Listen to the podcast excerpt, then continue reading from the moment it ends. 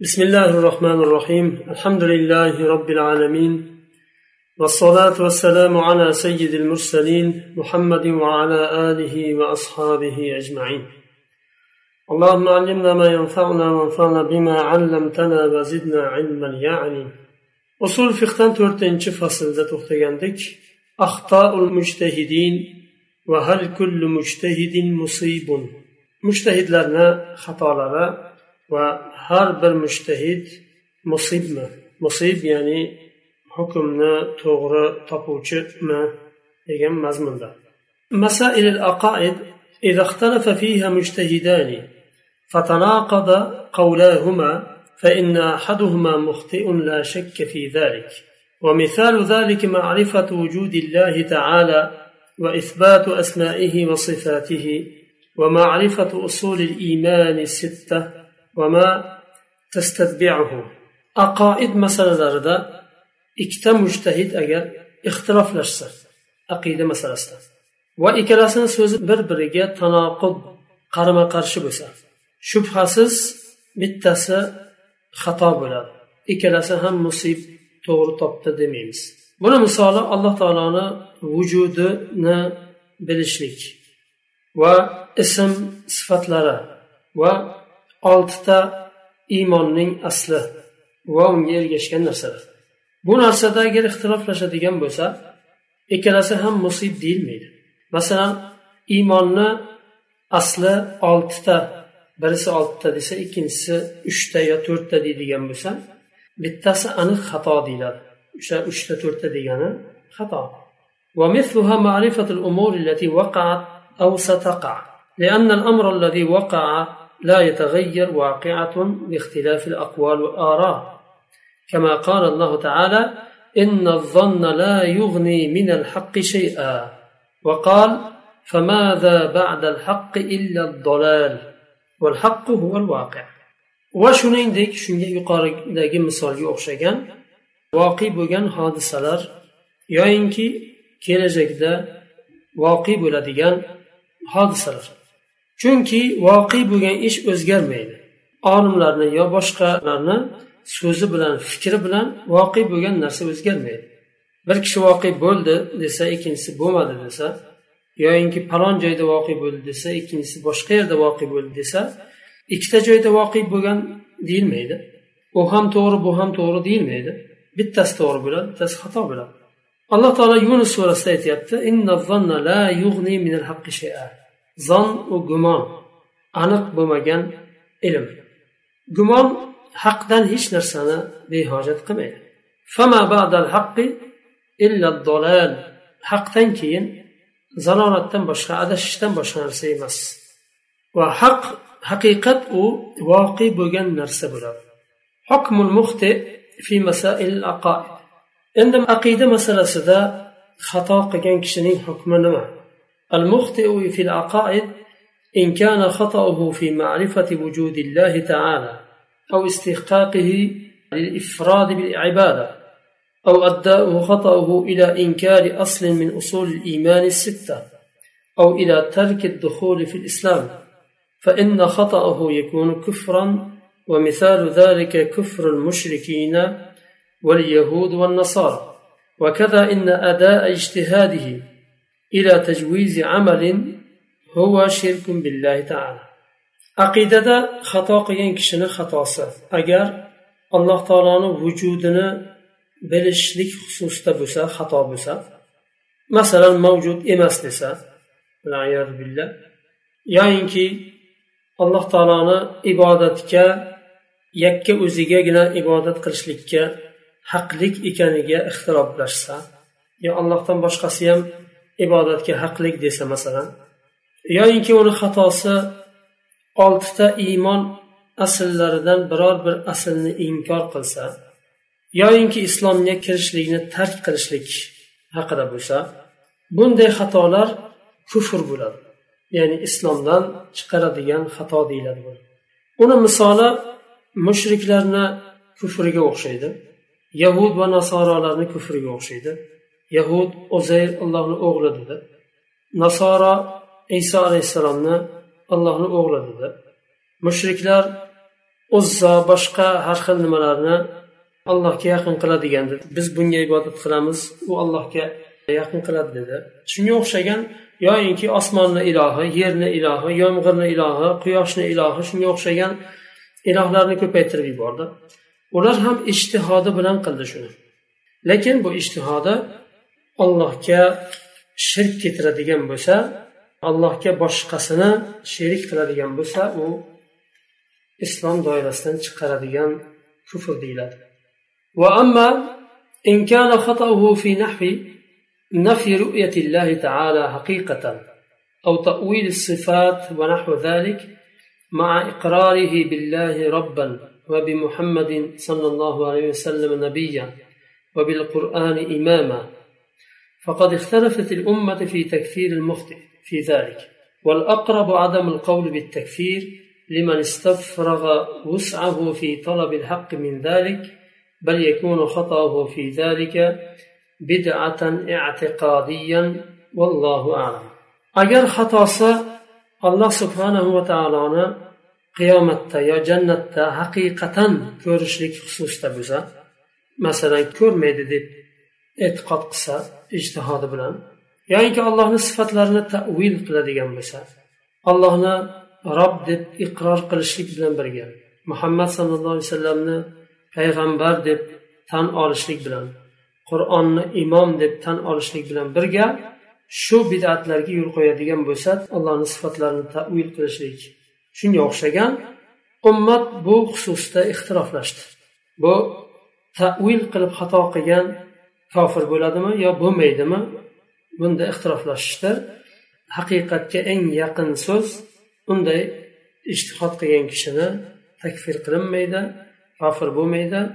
Agar bor kuchini haqni o'rtaga chiqarishlik uchun qo'ygan bo'lsa va harakat qilgan bo'lsa ishtihod qilgan bo'lsada ijtihodi xato bo'lib chiqadigan bo'lsa unday kishini takfir qilinmaydi kofir bo'lmaydi. Va bu xatosi اعتقادي بدعت deyiladi الخطأ والإثم في المسائل الفرعية. خطأ بلا إثم جناح فرعي مثلا أما المسائل الفرعية فقد اختلف العلماء فيها. فرعي مسألة olimlar من الاختلاف masalalar فرعي fiqhiy masalalar asl أصل أصول دب أقيدة فرع فروع دب فقه فذهب الجمهور من الفقهاء إلى أن المصيبة من المختلفين واحد ويسمى أصحاب هذا القول المخطئة جمهور fuqarolar far'iy masalalarda xato qiladigan bo'lsa ixtiloflashgan ikki imomdan bittasi haqda bo'ladi ikkinchisi xato deyiladi ikkalasi ham haq deyilmaydi bu mazhabni muhattia xatoga chiqaruvchi deb nomlandi ya'ni xato qilgan kishini xatoga chiqaruvchi agarchi xato far'iy masalalarda bo'lsa ham وقولهم هو الصحيح إن شاء الله للأدلة التالية.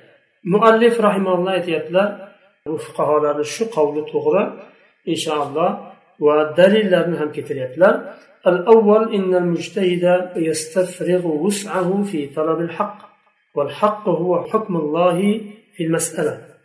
فمن أصاب حكم الله فقد أصاب ومن أخطأه فقد أخطأ الحق ولا يقال لمن أخطأه إنه قد أصاب birinchisi mujtahid haqni talabida bor kuchini o'rtaga qo'yib ijtihod qiladi haqni chiqarishlik uchun haq u shu masaladagi ijtihod qilingan masaladagi ollohning hukmi u haq kim ijtihod qilib turib ollohni hukmini topadigan bo'lsa ijtihodi bilan uni to'g'ri deymiz haq deymiz kim xato qiladigan bo'lsa boshqa hukmni chiqaradigan bo'lsa uni xato qildi deyiladi xato qilgan kishini to'g'ri qildi deb bo'lmaydi والثاني ikkinchi dalil دليل عقلي وهو أن المجتهدين إذا قال أحدهما في شيء معين إنه حرام وقال الآخر ليس حراما فهذا تناقض واجتماع النقيضين غير معقول ikkinchisi mantiqiy aqliy dalil ikkita mushtahid bir masalada ixtiroflashib muayyan bir masalada birisi harom dedi ikkinchisi harom emas dedi harom va harom emas bir biriga tanoqud qarama qarshi bo'lgan narsa ikkita naqid bo'lgan bir biriga qarama qarshi bo'lgan narsani jamla bo'lmaydi ya'ni bir narsa bir vaqtni o'zida ham harom ham halol bo'lmaydi yo harom bo'ladi yo halol bo'ladi yo harom yo halol bo'ladi shuning uchun ikkala bir biriga qarama qarshi narsa jamlanishligi mumkin emas الثالث ما ورد أن النبي صلى الله عليه وسلم قال إذا حكم الحاكم فاجتهد ثم أصاب فله أجران وإن اجتهد فأخطأ فله أجر ودلالة الحديث على هذه القاعدة واضحة حيث سمى هذا مخطئا وسمى الآخر مصيبا. وكنت دليل؟ حديثنا مصرف كتريات دليل قلب رسول الله صلى الله عليه وسلم اتلال أجر حاكم بر مسألة اجتهاد قلب ترب hukmni to'g'ri topadigan bo'lsa ijtihodi va hukmni to'g'ri topgani uchun ikkita ajr beriladi. Agar ijtihod qilib xato topadigan bo'lsa hukmni u holatda bitta ajr beriladi shu to'g'ri niyat bilan qilgan ijtihodi uchun beriladi. Hadisni dalolati qoidada vodih ochiq oydin ko'rinib turibdi.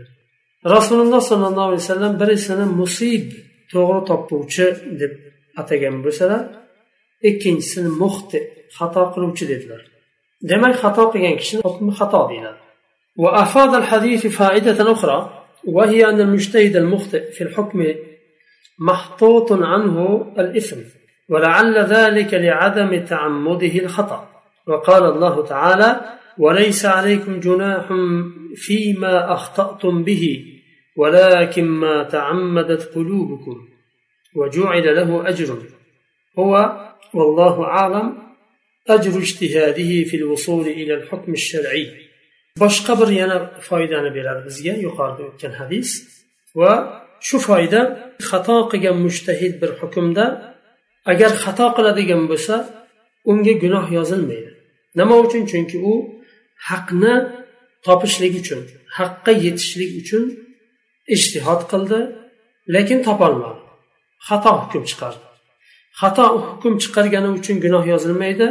Sababi uni maqsadi sof edi ya'ni allohni hukmini haqni topishlik edi alloh taolo qur'onda aytyapti sizlar xato qilgan narsada sizlarga gunoh bo'lmaydi.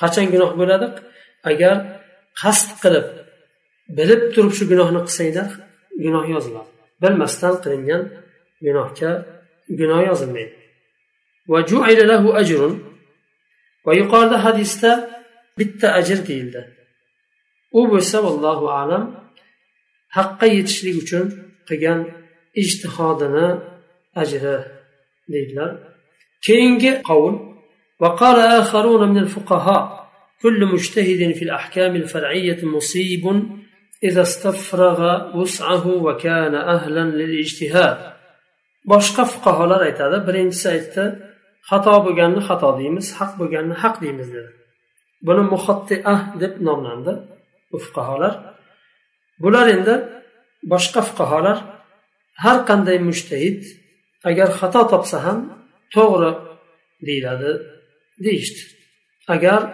kuchini ilmini ijtihodini shunga qo'yib haqqa yetishlik uchun ijtihod qilgan bo'lsa va ijtihodga ahl bo'lsa har qanday kishi emas ilmsiz kishini ijtihodi ijtihod deyilmaydi. Yoyinki ijtihod darajasiga yetmagan kishini ham agar ahli ilmlardan bo'lsa ham ijtihodi ijtihod deyilmaydi.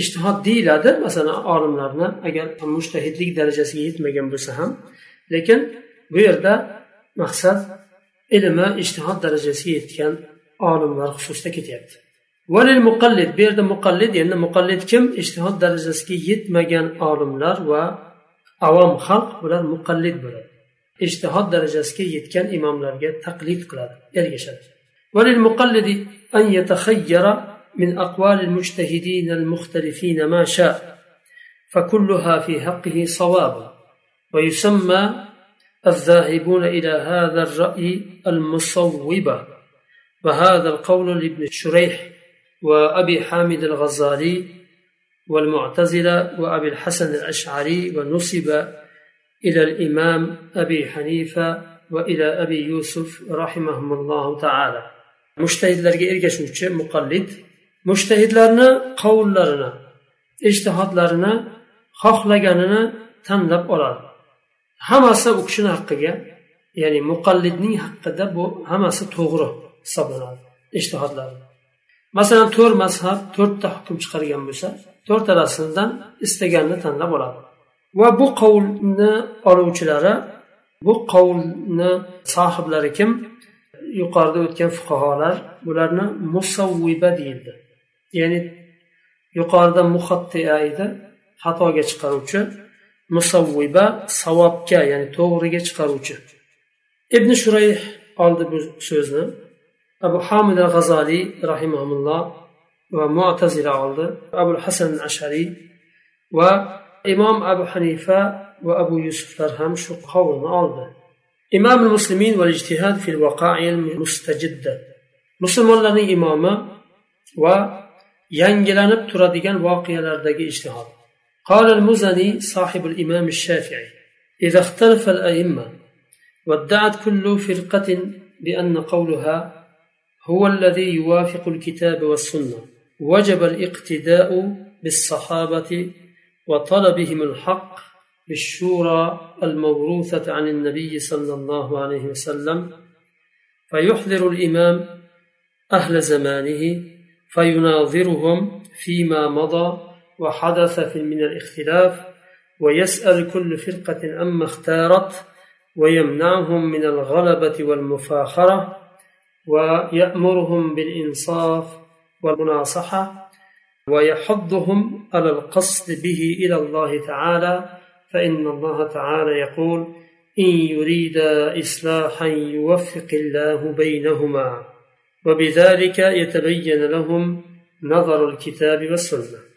imom muzaniy aytadilar bu kishi imom shofiyni rahimaulloh sohiblari agar imomlar ixtiroflashsa va har bir firqa o'zini so'zini kitob va sunnatga muvofiq deb davo qilsa u holatda sahobalarga ergashishlik vojib bo'ladi. Sahobalar haqni talab qilib haqqa yetishlik uchun shuro qilishardi. Ixtiroflashganda bir yerda jamlanib to'planib bu masalani o'rtaga qo'yib har bir qovul egasidan qovlini dalili bilan munoqasha qilib turib haqqa shu uslubda haqqa yetishardi. Bu uslub aslida rasululloh sollallohu alayhi vasallamdan meros bo'lib qolgan bir uslub. Shuro qilib jamlab turib munoqasha qilishlik. Agar shunday bo'ladigan bo'lsa shunday bir holatda ixtiloflashgan holatda imom o'zini zamonini ahlini ilm sohiblarini jamlaydi va o'tgan sodir bo'lgan ixtilofni munozara qiladi. Har bir firqadan ular tanlagan hukmni va dalillarini talab qiladi va ularni g'olib kelishlik uchun va faxrlanishlik uchun harakat qilishdan man qiladi.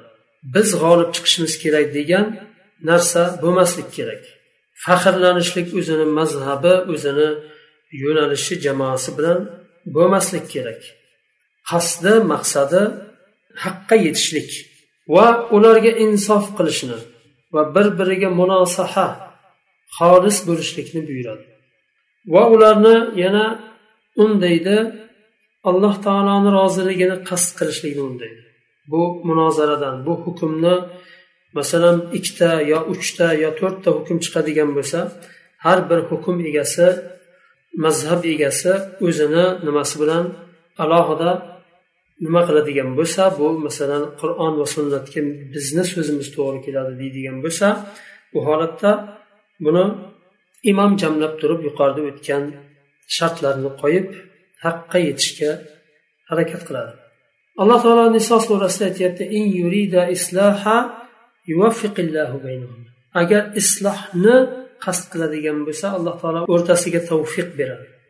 Ixtiroflashgan har qanday bu qoida bir qur'ondan ixtiroflashgan har qanday ikki kishi bo'lsin yo undan ko'p bo'lsin ixtiroflashganda shu ixtiroflashgan masalani yechishlik maqsadida jamlanadigan bo'lsa va shu jamlanishlikdan murod g'olib kelishlik bo'lmasa isloh bo'ladigan bo'lsa allohni roziligiga yetishlik bo'lsa u holatda alloh taolo o'rtasiga tavfiq beradi.